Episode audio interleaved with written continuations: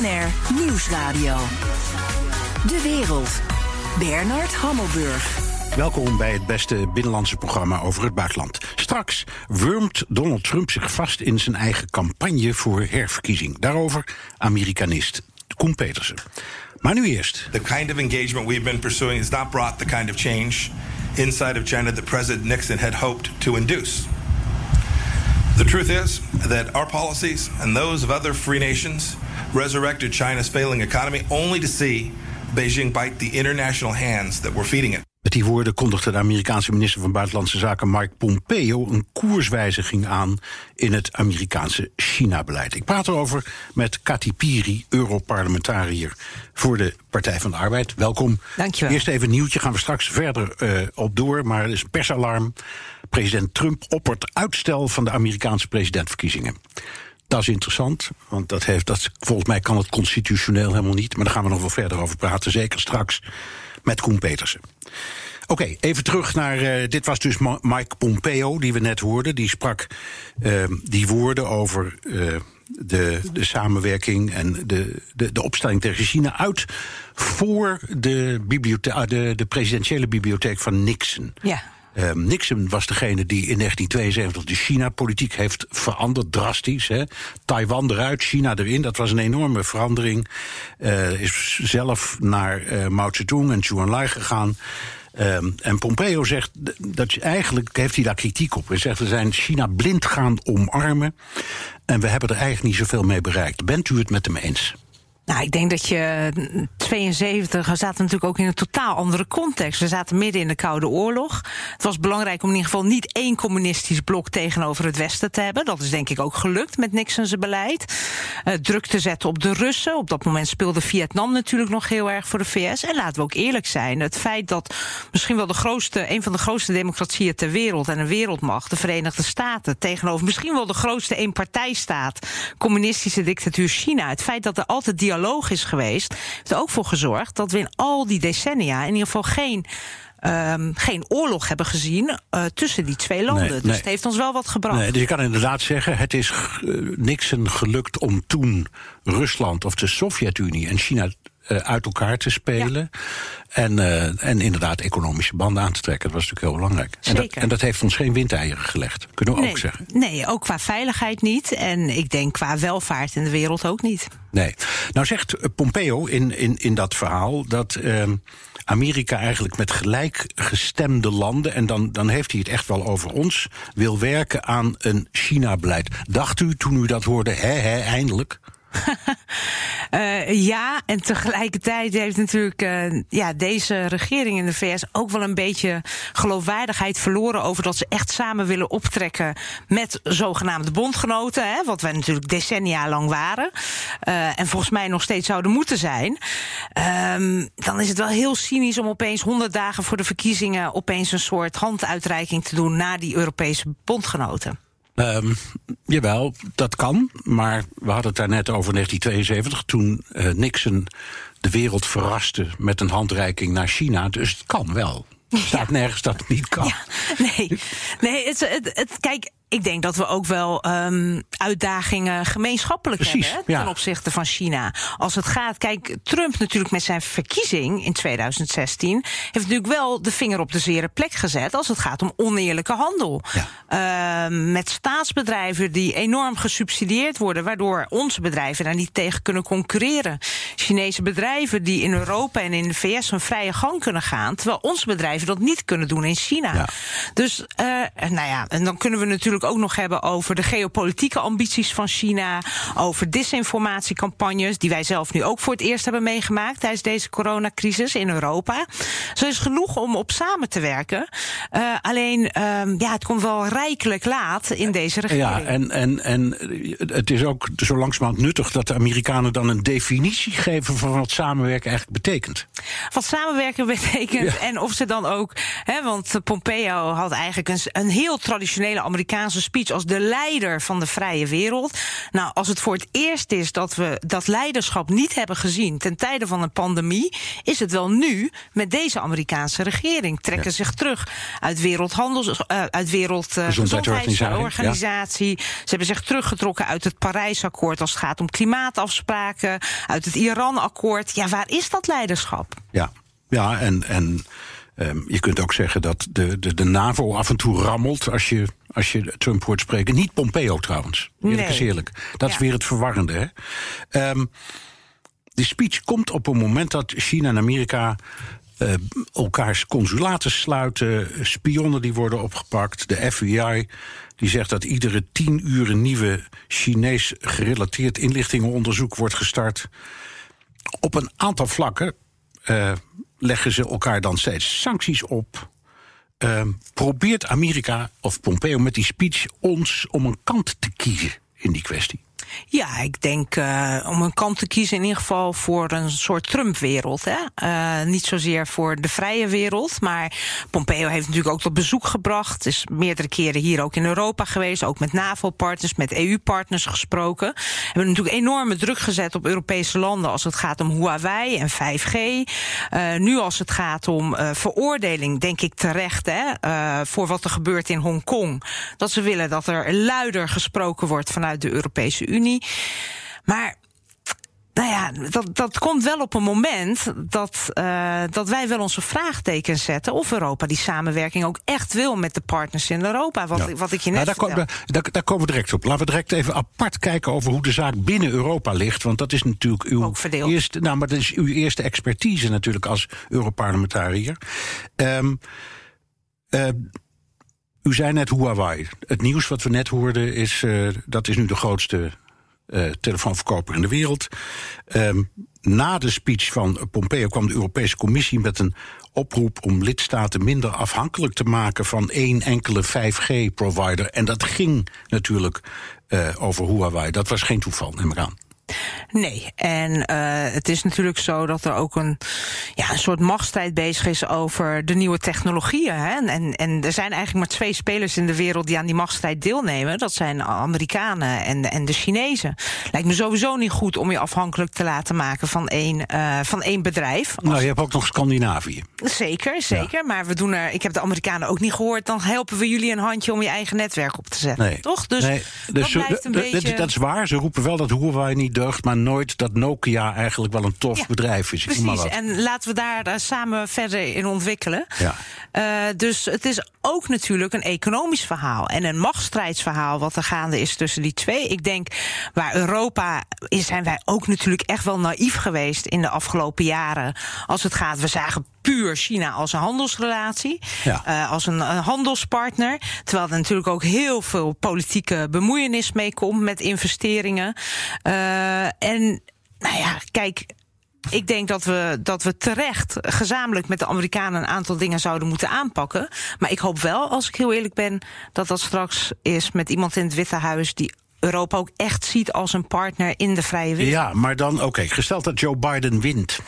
Denkt u nu dat het China-beleid van Joe Biden zoveel zal verschillen van dat van Donald Trump? Want als ik hun uh, meningen lees en naast elkaar leg en even ondoe van, uh, laten we maar zeggen, de herrie hieromheen. Ja.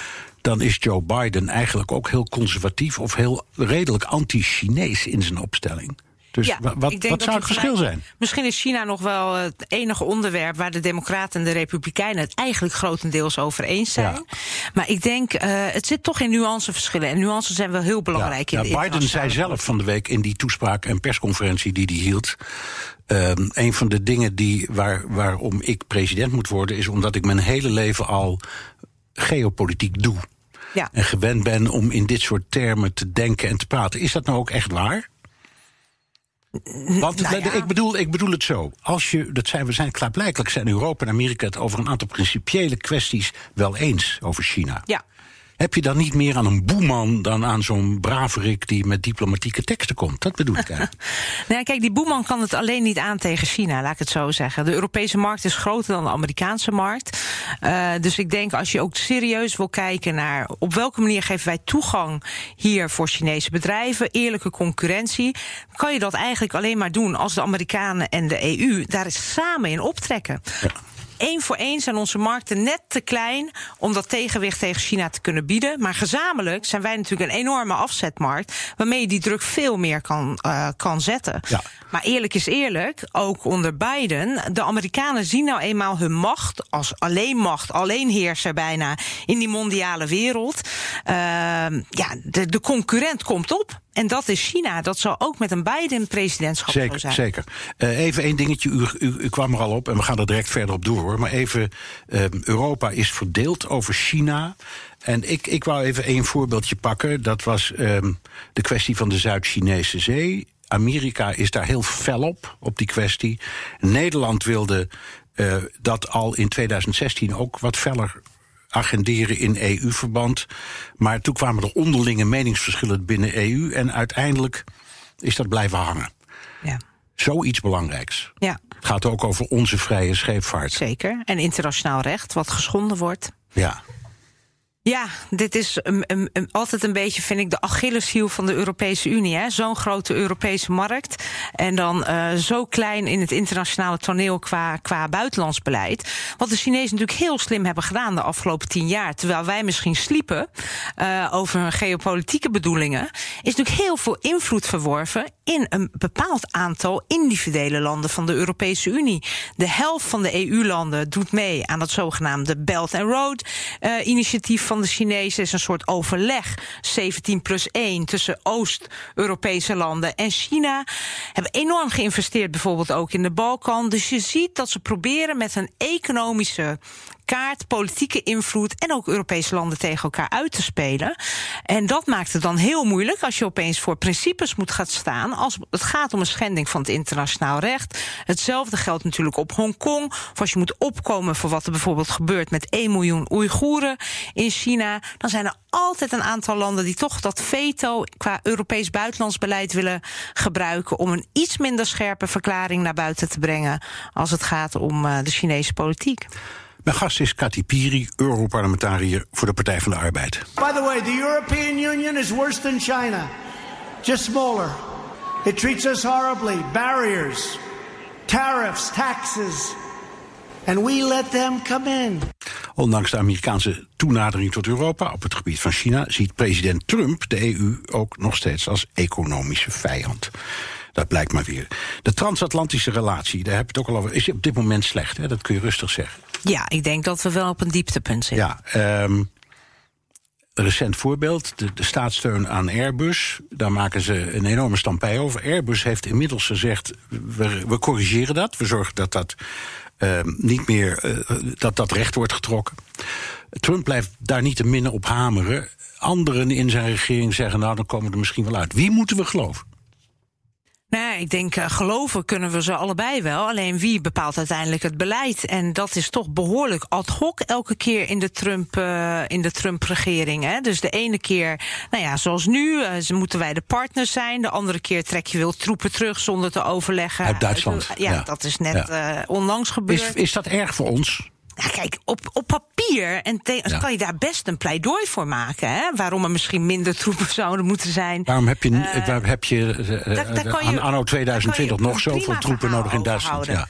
Maar dat is niet het verhaal wat Trump houdt. Hij heeft gisteren een tweet uitgedaan van kijk, het is schandalig hoe onze Europese, hij noemt ons niet eens partners, hoe ze in Europa uh, hun, hun bijdrage aan ja. de NAVO niet bepalen. Ja. Nou, dan zullen ze het voelen ook. Dan zullen ze het voelen ook. En nu gaat het is niet een kwestie van partners. Nee, en dan gaat u nu een aantal van die troepen gaat hij naar andere Europese landen overbrengen. En dat kost veel meer dan het houden van wat hij nu heeft. Dus echt consequent is het niet. Ja, en, en die landen, bijvoorbeeld België, betalen nog minder bijdrage aan defensie dan dat Duitsland doet. Dus ja. het is een beetje.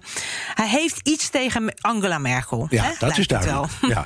uh, daarover sprekend. Um, er is ook heel veel gedoe over Nord Stream 2. Ja. Die pijpleiding die uh, door de Baltische Zee loopt van Rusland naar Duitsland voor aardgas. Um, dat is een Europese aangelegenheid. Wat gaat dat de Amerikanen eigenlijk aan? Nou ja, Ja, ja Trump zegt het is een veiligheidskwestie. Nou ja kijk, denk ik, ja, zo lust ik er nog wel een paar. Ja, ik denk, ik denk, als ik heel eerlijk ben, dat het binnen de Europese Unie ook een aantal landen zijn die wat minder te spreken zijn over Nord Stream 2. Hè. Het gaat er over de afhankelijkheid natuurlijk die je hebt van Rusland als het gaat om eh, nou ja, eh, gasleveranties. Eh, waarbij we natuurlijk hebben gezien, we hebben nota bene al jaren sancties tegenover Rusland als het gaat om Oekraïne en hun Oekraïne-politiek. Hoe ze de Krim hebben ingenomen, dat is tot op heden natuurlijk nog steeds niet, uh, niet opgelost. Dus je kunt daar best vraagtekens uh, over stellen. Maar weet je, van deze Trump, die, uh, nou ja, zijn beste vriend lijkt het wel, is president Poetin. Als er één iemand is waarvan bewezen is dat hij toch echt heeft geprobeerd zich in te mengen in de Amerikaanse democratie, is het de Russische president. Ja, en daar hoor je hem nou nooit over. Jawel, we hoorden hem wel. Hij heeft de afgelopen, Ja, week, de afgelopen tijd acht keer met hem gebeld. Ja. Dat heeft hij zelf verteld. Ja. En nooit gesproken over de Taliban. Nee, en binnen NAVO-verband begrijp ik ook. Durft niemand eh, de, de Russische inmenging in, in verkiezingen, hè, zoals in Amerika, op tafel te zetten. Omdat ze bang zijn dat dan Trump boos wegloopt. Ja, dus de geloofwaardigheid van dat je echt wil opkomen voor de veiligheid van de westerse, westerse landen, op wil komen voor onze vrijheid, hard wil zijn op mensenrechten, een geluid wat ik heel graag hoor, maar heel ongeloofwaardig is uit zijn mond. U had het over Angela Merkel en, en Trump. Die liggen elkaar niet, dat is duidelijk. Angela was trouwens de eerste die dat zei, ook openlijk al een paar jaar geleden. Van ja, die relatie met Amerika die is nu verstoord. Dus zij Ja. benoemde het, geloof ik, als eerste Europeaan. Ehm, de Duitse regering heeft bevestigd dat Trump heeft geprobeerd een Duits bedrijf te kopen dat werkt aan een coronavaccin. Ehm, Trump heeft destijds ook een hele voorraad ebola-medicijn gekocht. Dat helpt eh, tegen corona om dat voor de neus van Europa weg te halen. Dat doet een bondgenoot niet, zou je zeggen. Ja, dat zou je inderdaad zeggen, ja. Ja. Ja. ik hoorde, ik zag nu ook in het Amerikaans congres, hè, ze hebben een grote ontwikkelingsorganisatie, USAID, wat, wat al jaren eh, nou ja, ontwikkelingshulp doet. En dat er een pleidooi is vanuit de Democraten. Als er nou een vaccin in Amerika wordt gevonden, zorg er nou voor. Het is in ons belang dat die ook met de rest van de wereld wordt gedeeld. En dat willen ze niet. Wees genereus, maar Trump doet dat, noemt dat America First. Die is daar heel openlijk. Nou, de andere kant. Nederland met nog eh, drie andere Europese landen heeft ook op de voorhand al drie of 400 miljoen doses van dat Oxford-vaccin Ja. gekocht. Wat is het verschil tussen wat Nederland en die drie andere Europese landen doen en wat Trump doet? Nou ja, volgens mij zijn we niet de exclusieve opkopers. Volgens mij hebben eh, van dat vaccin inderdaad meerdere landen gekocht. Maar ook daar kan je terecht bij zeggen. En er was ook kritiek, ook vanuit de Europese Commissie en vanuit andere landen die, daar niet aan meedoen. Van waarom doen we dit niet als Europese Unie gezamenlijk? Ik denk dat dat een, een terecht pleidooi is. Helaas zag je tijdens deze pandemie, niet alleen in Amerika, maar ook in de Europese Unie, dat heel veel landen toch kozen voor eigen land eerst, grenzen dicht, nationale oplossingen. En pas later, nou ja, met, met twee ja, weken maar geleden het is als het zo slecht gaat ook moeilijk om niet eerst aan, je denk, aan jezelf te denken en, ik zal maar zeggen, genereus te zijn. Politiek, maatschappelijk, moreel. Dat is, daar vraag je ook veel van mensen. Ook van Zeker, maar wat, wat heeft het voor oplossing gebracht tijdens die pandemie om die grenzen binnen Europese landen af te sluiten? Hè? Dat, dat was geen oplossing, was een soort automatische reactie. Net als dat we allemaal opeens gingen rennen voor toiletpapier. Ja. Wat ons toch ook niet beschermde voor dat virus. Nee. Was een soort automatische reactie. Geconditioneerde reflex. Hè? Zoiets heet dat in de Ja. psychologie, geloof ik. Eh, even iets, een punt waar u zich heel hard voor maakt, altijd al. De situatie over de rechtsstaat in Hongarije en Polen. Eh, Trump lijkt nu juist de vriend te zijn van de leiders eh, van die landen. Dat moet u enorm dwarszitten. Ja, nou, gelukkig ben ik daar niet de enige in die. eh, eh, ja, dat was natuurlijk bizar. Of waar er ook verkiezingen waren in de Europese Unie. Altijd was er wel of een Amerikaanse ambassadeur die door Trump was benoemd. of Trump zelf, die opeens daar de kans koos. elke keer voor de rechtspopulist. Of het nou in Frankrijk was, of het nou in Hongarije was, of het nou in Polen was. Het is. eh, ja, die man lijkt toch iets meer te hebben met autocraten dan met democratische leiders. Ja, En nou, dat kun je zeggen, maar je kan ook zeggen uit een soort van principieel politieke overtuiging is hij nu eenmaal een aanhanger van het populisme, wat mag in een democratie. Dat mag Zeker. ook Donald Trump. Zeker, maar weet u, ik, ik, het is wel heel erg raar om je uit te spreken uh, als leider van de Amerikaanse uh, van Amerika over wat voor uitkomst je graag zou willen zien uh, met bepaalde verkiezingen. Laat ik het eerlijk zeggen, ik als politicus heb een hele duidelijke voorkeur over wat, er, wat ik hoop wat er gaat gebeuren in Amerika in november. Maar ik kan me ook voorstellen dat Mark Rutte die uitspraak toch nog niet zou doen. Nee, ik herinner me bij de vorige verkiezingen voor de vorige verkiezingen dat Mark Rutte daarna werd gestraft. Wat gebeurt er als Trump president wordt? En toen zei hij iets heel verstandigs. Uh, Amerika is het grootste en belangrijkste land en onze belangrijkste bondgenoot. Dus de president is de president, punt. Ja, ja. nou, dat is denk ik vanuit zijn positie een hele begrijpelijke Ja, reactie. ja. Je zult er toch mee moeten dealen, wie er ook... uh, maar het is niet uw opvatting. nee, als, Je toe, als Europarlementariër denk ik dat ik daar wel een voorkeur voor mag uitspreken. Ja, um, nog even uh, Duitsland. Uh, dat is de grootste handelspartner van, uh, van China. China. Ja. De Duitse regering zegt wij geloven in verandering via handel. En daarom zijn we ook mild in onze reacties tegen China. Nou is dat in het algemeen een beetje de Duitse opstelling. Ja. Dat hebben ze met Oost-Europa ook altijd gedaan. Hoe staat u daar tegenover? Ja, ik vind het te soft.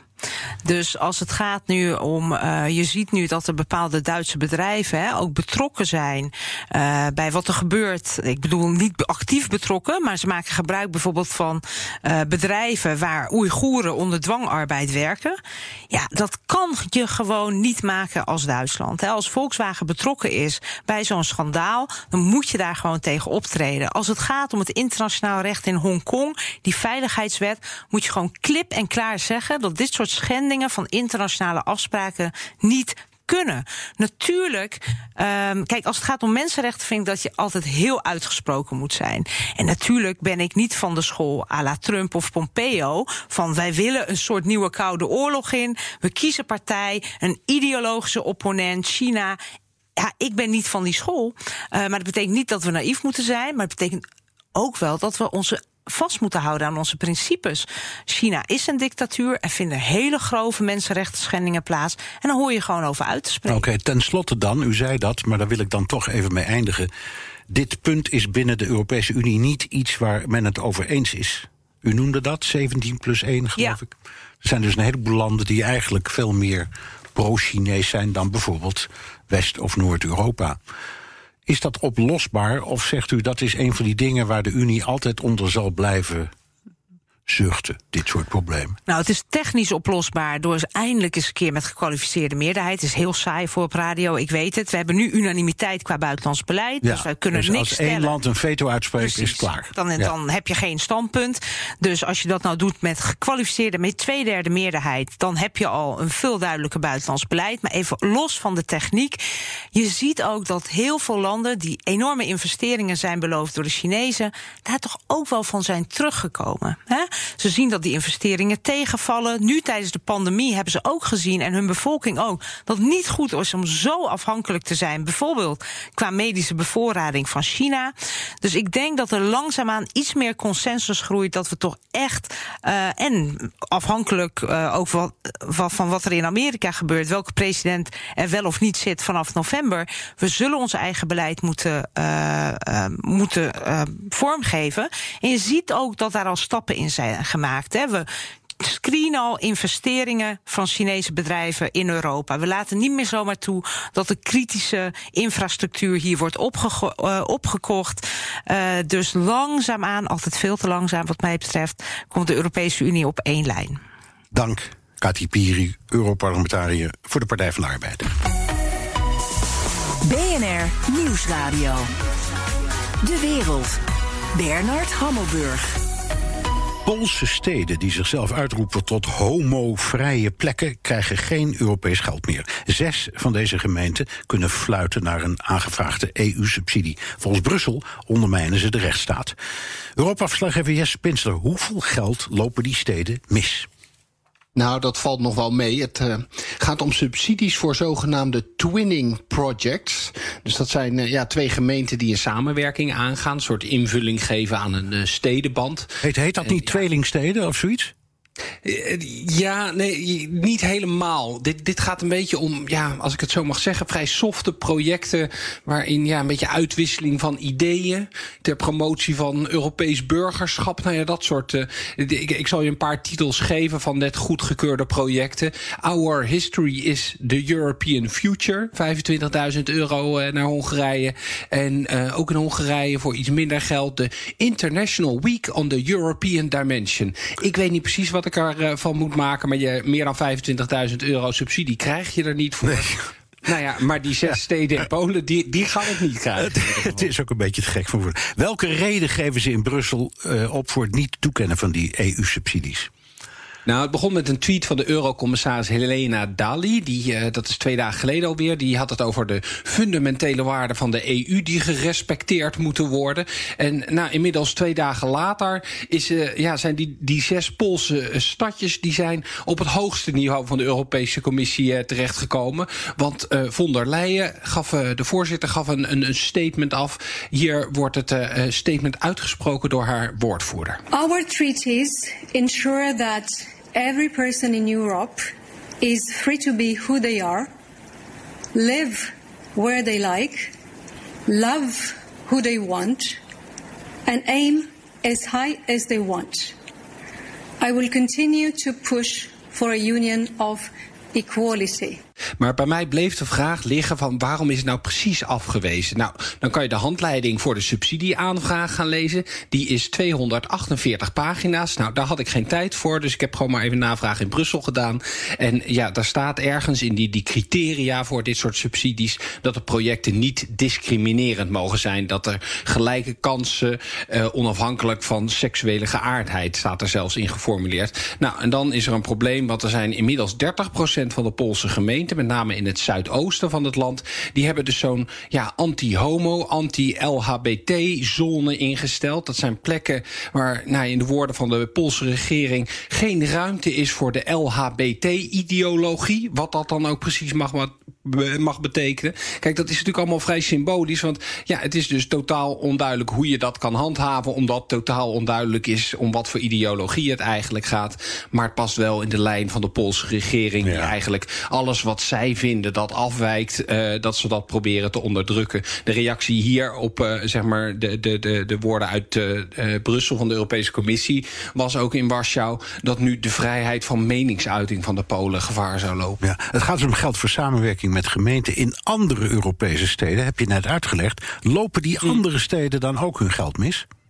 Ja, dat, dat dacht ik ook gelijk. En dat klopt inderdaad. Uh, toen ik het navroeg, toen zei ze inderdaad, ja, dat, zo werkt het. Toen vervolgens dacht ik, hé, hey, er was een, een, een stad in Nederland... die heeft juist die, die, die stedenband opgezegd. Nieuwegein, twee weken geleden. Die hadden een stedenband met het Poolse stadje Puławy. Dit is wel het statement wat we willen maken. Dat homovrije zones not done is. En ik kan ook niet genoeg herhalen dat uh, iedereen in een stad thuis hoort en erbij hoort. Maakt niet uit wie je bent, wat je bent, wat je gelooft, wat je kleur is of wat je geaardheid is. En daar gaat het nu om.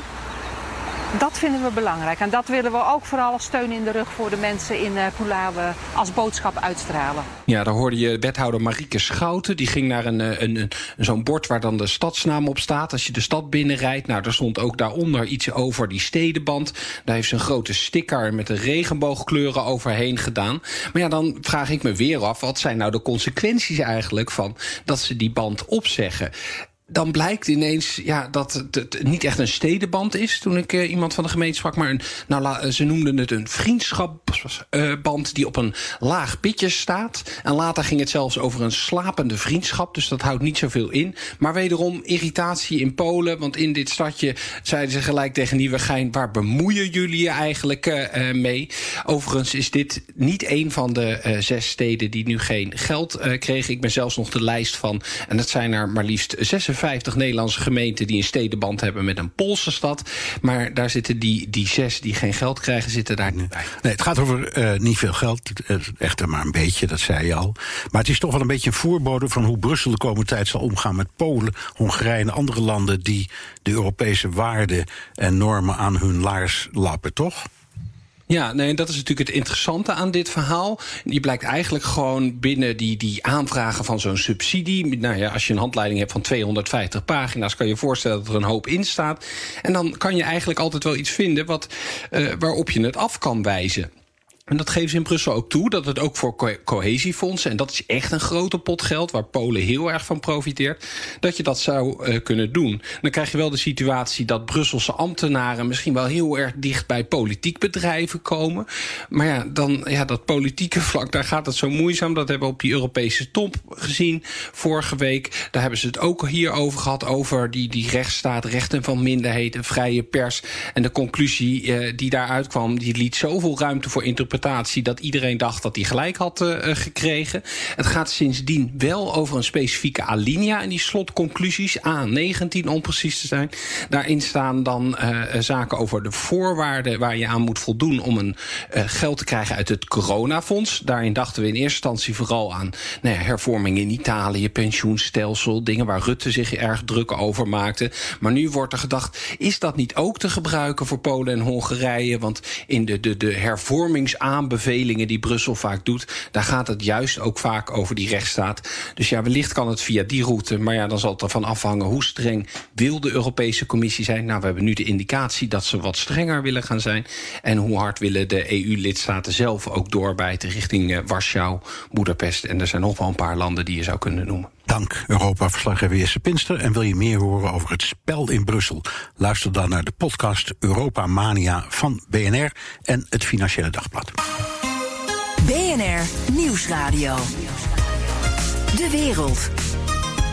Het gebeurt maar zelden, maar president Trump heeft het gedaan. Een echt interview met een echte journalist. Chris Wallace van Fox News. In general, not talking about November. Are you a good loser? I'm not a good loser. I, I don't like to lose. I don't lose too often. I don't like to lose. But are you gracious? You don't know until you see. It depends. De peilingen staat Trump er niet goed voor. Loopt zijn herverkiezingscampagne vast. En sterker nog, het nieuws van dit moment natuurlijk. Zou Trump, zoals hij heeft getweet, overigens niet via het Witte Huis is dat gekomen, zou Trump de verkiezingen willen uitstellen? Ik praat erover met Koen Petersen, Amerikanist en schrijver van de boeken Showtime en Einddoel Witte Huis. Eerst maar even dat, uh, dat nieuwtje over dat uitstel van die verkiezingen in een tweet. Uh, ik ga niks voor zeggen, want jij weet er meer van dan ik. Wat denk je ervan als je het hoort? Nou ja, het is een uh, onruststokende tweet, maar Trump heeft eigenlijk weinig recht om daar iets van uh, te vinden. Uh, de wet schrijft voor dat het congres, dus het parlement, bepaalt wanneer de verkiezingsdatum is. En de grondwet schrijft voor dat de nieuwe president wordt beëdigd op 20 januari van het jaar na de verkiezingen. Dus als de verkiezingen al zouden worden uitgesteld, dan moet dat met steun van de Democraten, die daar waarschijnlijk geen zin in hebben. Maar het mag er nooit toe leiden dat de uitkomst later bekend is dan 20 januari volgend jaar. Om 12 uur middags, om precies te zijn. Of, hè, dan, dan is dat. Ja, ja. ja, dan moet hij aftreden. Of misschien, als hij, dat is het punt. Als hij de verkiezingen zou willen uitstellen, ja, dan weet je niet wat er daarna gebeurt. Die vraag die, die, die hoor je in Amerika ook heel veel stellen. Maar goed. Nou ja, de, de, de, in de wet staat dat de termijn van de president eindigt op 20 januari van het jaar na de verkiezingen om 12 uur s middags. En als er dan geen nieuwe president zou zijn, dan uh, kan het zijn dat de voorzitter van het Huis van Afgevaardigden, die de eerstvolgende is in de opvolgingslijn, uh, president zou worden. Dat is nooit eerder gebeurd, dus daar zullen vast heel veel juristen over zijn die er van alles nog wat van vinden. Maar dat zijn wel het soort scenario's waar je aan zou moeten denken. Ja, uh, inmiddels heeft uh, overigens hebben de Democraten in het congres al gereageerd. Ze hebben goed naar je geluisterd, want die zeggen: volgens de wet gaan wij daarover en niet de president. Dus wat, dat maar even als nou, compliment. Dat is een hele geruststelling. Ja, hele geruststelling. Ja, ze hebben naar uh, Petersen geluisterd. Um, even, hij staat er slecht voor. Gaat hij verliezen? Trump? Nee, hij staat er nu erg slecht voor. En als vandaag de verkiezingen zouden worden gehouden, zouden met pek en veren het Witte Huis uit uh, worden gejaagd. Maar er zijn nog een kleine honderd dagen te gaan. En het is in het verleden wel vaker gebeurd dat een president een enorme achterstand, of een presidentskandidaat een enorme achterstand kon, uh, kon inhalen. Maar dan moeten er wel dingen gebeuren. Dat zal niet vanzelf gaan. Er zijn echt gamechangers nodig voor Trump om dat nog uh, te realiseren. Ja, als je naar de peilingen kijkt. Uh, en je weet dat je daarmee moet uitkijken, want uh, vier jaar geleden uh, zou Hillary winnen, volgens de peilingen. En als je nu kijkt, gaat Biden winnen met, met zeker een procent of acht. Terwijl Biden eigenlijk niet goed zichtbaar is. Wat zegt dit? Is het nu zo dat Biden alleen maar stijgt omdat Trump soms daalt? Dat het communicerende vaten zijn? Ja, waarschijnlijk wel. Wat je normaal gesproken ziet bij presidentsverkiezingen waar een zittend president opnieuw gekozen wil worden, is dat het eigenlijk altijd een referendum is over die zittende president. En dan als de tegenstander niet Pipo de Clown is of een uh, serial killer, dan is eigenlijk dat van ondergeschikt belang. Trump schiet zichzelf permanent uh, in de voet. En advies van de Democraten is ook: haalt het wapen niet bij hem weg, maar laat hem daar lekker mee, uh, mee doorgaan. En daarmee hoeft Biden eigenlijk vooral niks te doen, zo min mogelijk zichtbaar te zijn, om te voorkomen dat de discussie over hem gaat en Trump eigenlijk zijn eigen graf eh, laten graven. En dat is, dat is wat je nu gebeurt. Ja. Nu ziet gebeuren. Ja, de, de verschuiving zit uh, onder de onafhankelijke stemmers. En die worden dan verdeeld in groepen, de voorsteden en ga zo maar door. Um, vorig jaar dachten we nog dat die toch echt wel voor Trump zouden gaan. Maar die lijken te, te neigen naar Biden. Waar komt dat nu door? Komt dat door corona? Komt dat door Black Lives Matter? Komt dat door de economische crisis? Hoe verklaar jij dit? Als je naar onderzoeken kijkt, dan blijkt het toch vooral om corona en Black Lives Matter uh, te gaan. Als je kijkt naar wat de belangrijkste onderwerpen zijn voor de kiezer om hun stem te laten bepalen vandaag als verkiezingen zouden zijn, dan zijn het precies die twee onderwerpen. En daar scoort Trump in zijn manier van het uh, uh, managen daarvan heel slecht. Tweederde tot 70 procent van de Amerikanen vindt dat hij dat niet goed doet. Dus daar zie je een heel direct verband. En die economie speelt eigenlijk gek genoeg een vrij ondergeschikte rol tot nu toe. dat kan wel veranderen om hulppakket van de overheid waarmee bedrijven en burgers worden uh, geholpen met geld, dat eindigt uh, op heel korte termijn. En op het moment dat dan opeens het geld op is en mensen in hele grote problemen komen, kan die economische druk weer groter worden op de politieke agenda. Maar vooralsnog zie je dat corona en Black Lives Matter de hoofdtoon voeren. En dat Trump daar ja, bijzonder slechte zaken heeft gedaan met zijn aanpak en daar nu de prijs voor betaalt in de peilingen. We kijken ook uh, natuurlijk allemaal steeds naar de swing states, omdat er zijn maar een paar staten eigenlijk die bij Amerikaanse verkiezingen de uitslag uiteindelijk bepalen. En in die swing states gaat het juist met Trump niet zo goed. Zelfs in Texas uh, ligt hij ongeveer gelijk met uh, Biden. Hij heeft ook zijn campagnemanager vervangen. Um, dus klaarblijkelijk ziet die Trump-campagne wel dat er, e-, dat er iets aan de hand is. Ja, alle peilingen die, uh, zijn slecht voor hem. En er wordt altijd geruststellend gezegd, ja, vier jaar geleden tegen Clinton was dat ook. Alleen de verschillen tussen Clinton en Trump vier jaar geleden en tussen Biden en Trump nu. Uh, zijn heel groot. Biden staat er echt veel, veel royaler voor dan Clinton vier jaar terug. Dus ook de margin of error in die peilingen en de kans dat dat gat wordt gedicht, dat is allemaal wat, wat minder waarschijnlijk geworden. En Trump won met zo'n dunne marge vier jaar geleden dat er ook heel weinig voor nodig is om die balans weer terug te laten slaan. En als je heel simpel kijkt, als alle staten die Trump won naar Trump zouden gaan, alle staten die Hillary Clinton won nu naar Biden zouden gaan, en Florida en een van die drie staten die Trump van Clinton won, zou teruggaan naar Biden, dan heeft Biden al gewonnen. Dus er is niet heel veel voor nodig om Biden de overwinning te geven ja. in uh, het huidige landschap. Oké, eh, we kijken direct nog wel even naar uh, Trumps tactiek en zijn opties en zijn mogelijkheden. Eerst even over Joe Biden. daarvan hoor je steeds, ja, die zit alleen maar in zijn keldertje. Deze week kwam die voor het eerst echt naar buiten met een speech die inhoudelijk, naar mijn idee, best hout sneed. En een persconferentie met echte vragen. En behoorlijk assertieve antwoorden. Dat, dat stond echt haaks op dat verhaal van hij mummelt maar wat en zo. Um, wat vond jij daarvan en wat zijn de valkuilen voor Biden? Ja, wat vooral heel belangrijk was, dat Biden liet zien dat hij nog mentaal in staat is om een goede kandidaat en een goede president te zijn. En daar liet hij een hele steady performance zien, waar ook door de media positief over is bericht. Dus dat bevestigt dat beeld dat hij wel degelijk in staat is om nog een periode in het Witte Huis iets te doen. En dat bestrijdt het beeld dat Trump van hem schetst, dat hij eigenlijk uh, totaal aan het achteruitgaan is en het niet verantwoord is hem nog in het Witte Huis uh, te hebben. Maar de valkuil blijft wel dat Biden toch nog vergissingen begaat in bijvoorbeeld een debat of in een speech of in een persconferentie waar hij niet zich kan vastklampen aan een tekst. En dat komt omdat hij dat ook al deed toen hij tientallen jaren jonger was. Dat is echt onderdeel van zijn merk. Dus dat blijft een gevaar. Um, dat kan vooral ook in die tv-debatten die steeds belangrijker worden in de campagne omdat er weinig andere grote dingen meer gebeuren door corona. Kan dat ook nog een, uh, rol spelen. Daar gaan toch 60 tot 80 miljoen kiezers naar kijken. En als hij daar onderuit gaat, dan kan dat nog grote schade berokkenen. Maar het meest spannende op de korte termijn is de aanwijzing van zijn kandidaat uh, vicepresident. Ja. Uh, wat voor volgende week op de planning staat. Omdat dat ook aangeeft hoe Biden zichzelf wil positioneren in zijn eigen partij. Ja. De Democraten zijn verdeeld tussen hele progressieve Democraten die vroeger op Sanders stemden en gematigden die op Biden stemden. En op het moment dat hij een hele progressieve kandidaat zou kiezen om die Sanders-aanhangers tevreden te stellen, dan kunnen de gematigde kiezers afhaken. Maar stelt hij een gematigde kandidaat aan, dan kunnen die radicale kiezers zeggen dat hij de socialistische zaak verraadt en uh, niet komen stemmen. Dus dat is iets wat hij eigenlijk intern moet managen en wat best wel een precaire situatie voor hem is. Ja, en dan uh, heb je zo'n heel lijstje van mogelijke kandidaten en dan is er bijna een dogmatische opvatting dat dat een zwarte vrouw moet worden. Uh, nou begrijpen we dat allemaal best. Uh, en het is, zou misschien ook heel sympathiek zijn. Maar is het verstandig? Ik, ik, wij zaten straks op de redactie nog over te praten en hadden het even over Clinton. Die koos als running mate een man, Al Gore. En dat was toch ook al in de moderne tijd, zou je kunnen zeggen. Dus is, is dit eigenlijk een soort dogma dat een gevaar voor hem betekent? Ja, het is een risicovolle situatie omdat uh, de partij toch wel veranderd is. In de tijd van Bill Clinton was de Democratische Partij nog een, een representatieve middenpartij. En nu zie je dat er toch een soort verzameling van uh, identity politics en special interests uh, is. Dus elke groep met een bepaalde identiteit wil ook een plek hebben, een herkenbare plek in die partij. Dus daar is het wel strenger voor een presidentskandidaat geworden. Hij heeft in de campagne gezegd toen nog geen corona en geen Black Lives Matter speelde, dat hij een vrouw als running mate zou, uh, zou nemen. Daar wordt hij aan vastgehouden. Dat maakt de keus kleiner, omdat senioren politici toch overwegend nog mannen zijn in de Verenigde Staten.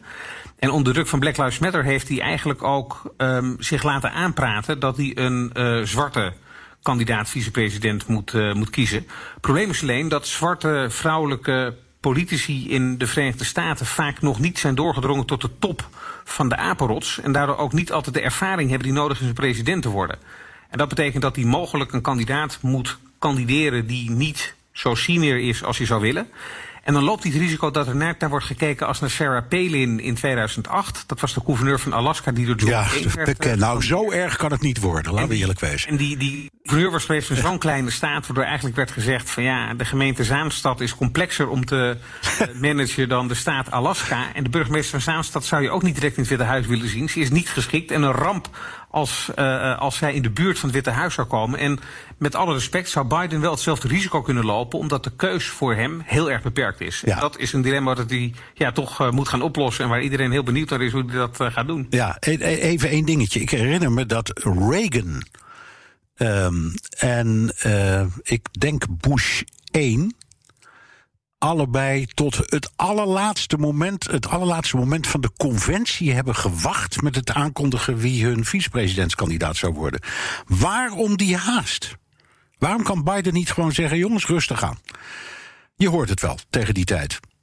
Nou ja, wat je nu wel ziet is dat de conventie van de Democraten niet doorgaat, maar er wel een moment moet komen dat toch formeel via digitale wegen de keus van Biden uh, moet worden bevestigd. He, Biden zelf moet nog officieel worden genomineerd en zijn, zijn running mate uh, ook. Uh, dus er is wel een deadline waar hij zich aan moet houden en die komt wel snel in beeld. Ja, dus maar dat geldt niet voor de running mate. Wordt het wel tijd om dat te gaan doen. Ja. Um, even terug naar Trump. Uh, je schreef in Elsevier dat Trump eigenlijk voor het eerst sinds het begin van zijn presidentschap de regie kwijt was. Is dat nog zo? Ja, dat is het beeld, dat, je, dat je hebt. Uh, wat ik uh, in Elsevier heb geschreven is dat uh, tot corona uitbrak er een soort verband kon worden gezien door kiezers tussen wat Trump zei dat hij wilde bereiken, wat hij voor acties ondernam en wat de gevolgen waren. Hij zei bijvoorbeeld, ik wil de werkgelegenheid laten stijgen. Ik schaf regels af voor bedrijven. En dan gaat de werkgelegenheid omhoog. En dat soort dingen gebeurden. Maar bij corona en bij uh, de onrust en aanleiding van de, de, de, de, de, de dood van uh, George Floyd... zie je dat Trump grote woorden gebruikt met betrekking tot wat hij wil bereiken. Uh, acties onderneemt, vooral in, in optische zin. En nul effecten mee bereikt. En dan krijgen Amerikanen het idee dat de president met een soort speelgoedstuur in zijn hand staat... en niet meer het land Nee, dan zit hij met. Dan zit hij met mensen af, ook mensen die hem steunen. Ja, uh, zit... Omdat iedereen toch wel wil dat een president ja, in charge is van het land. Ja, en dan zit hij met tinnen soldaatjes te spelen, misschien daarover sprekend. Hij heeft federale troepen gestuurd naar een aantal steden, Portland. Uh, en andere steden, daar wil hij dat doen. Daar is een enorme toestand over ontstaan, want die steden willen dat zelf helemaal niet. Dat is dan allemaal onder het hoofdstuk Law and Order. Is het nu zo dat Trump met dat thema zijn achterstand kan overwinnen op het gebied van die coronacrisis en Black Lives Matter en de economie? Door het zo te simplificeren, kan dat? Ja, law and order is wel een thema waar met name republikeinen erg op aanslaan. En als Trump de rekensom maakt dat hij nooit een absolute meerderheid zou kunnen krijgen in termen van het aantal mensen dat op hem stemt, dan kan hij wel kijken hoe kan ik zoveel mogelijk de opkomst onder mijn achterban stimuleren. En dit zijn wel van die thema's waar republikeinen op aanslaan en mogelijk door gedreven kunnen worden om naar de stembus te gaan.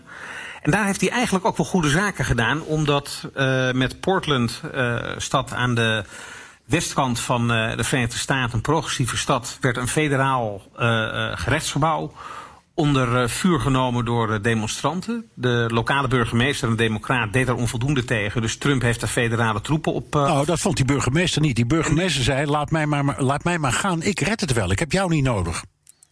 Ja, maar Trump zag dus wel dat dat niet gebeurde. En omdat er nu opeens federale troepen in Portland staan, heeft de burgemeester gezegd: wij gaan die troepen afwisselen. Wij gaan het zelf doen. Wij nemen toch verantwoordelijkheid om dat gebouw te verdedigen. En dat is wat Trump ook van die burgemeesters en gouverneurs eist. En met deze case kan hij laten zien: zie je wel, ik stuur federale troepen ergens heen. En de liberal, linkse, democratische burgemeester gaat, uh, gaat door de pomp. En dat is wel iets waar hij mee kan laten zien: kijk eens, ik heb een case die je kan presenteren aan het volk. Onder, onder zijn, kan laten zien onder zijn, werkt. Onder zijn eigen achterban. Maar het is wel een relatief kleine case als ja. je kijkt naar de manier waarop Trump wordt gewantrouwd op de grote thema's van het moment. Even heel snel, want we hebben eigenlijk geen tijd meer, maar toch. Ik denk steeds, de gewone kiezer volgt niet elke tweet en niet elke persconferentie. Die volgt niet al dat nieuws.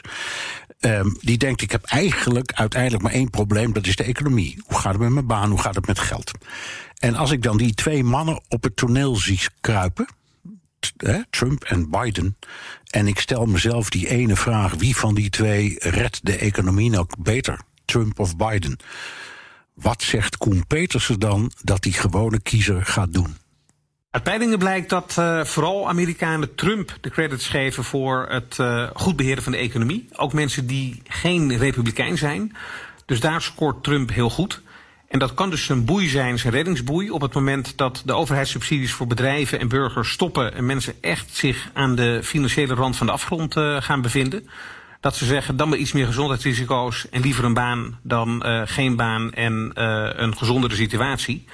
Uh, en dan zou het kunnen zijn dat mensen toch nog overlopen naar Trump. Maar uh, dat weten we over uh, 97 dagen. Zo is het. Dank. Koen Petersen, Amerikanist en schrijver van de boeken Showtime en Eindtool Witte Huis. Wil je meer horen over de aankomende verkiezingen? Luister dan naar de Amerika-podcast van BNR. En tot zover BNR De Wereld. Terugluisteren kan via de site, app, Spotify of Apple Podcasts. Reageren kan via mailtje naar dewereld.bnr.nl. Tot volgende week.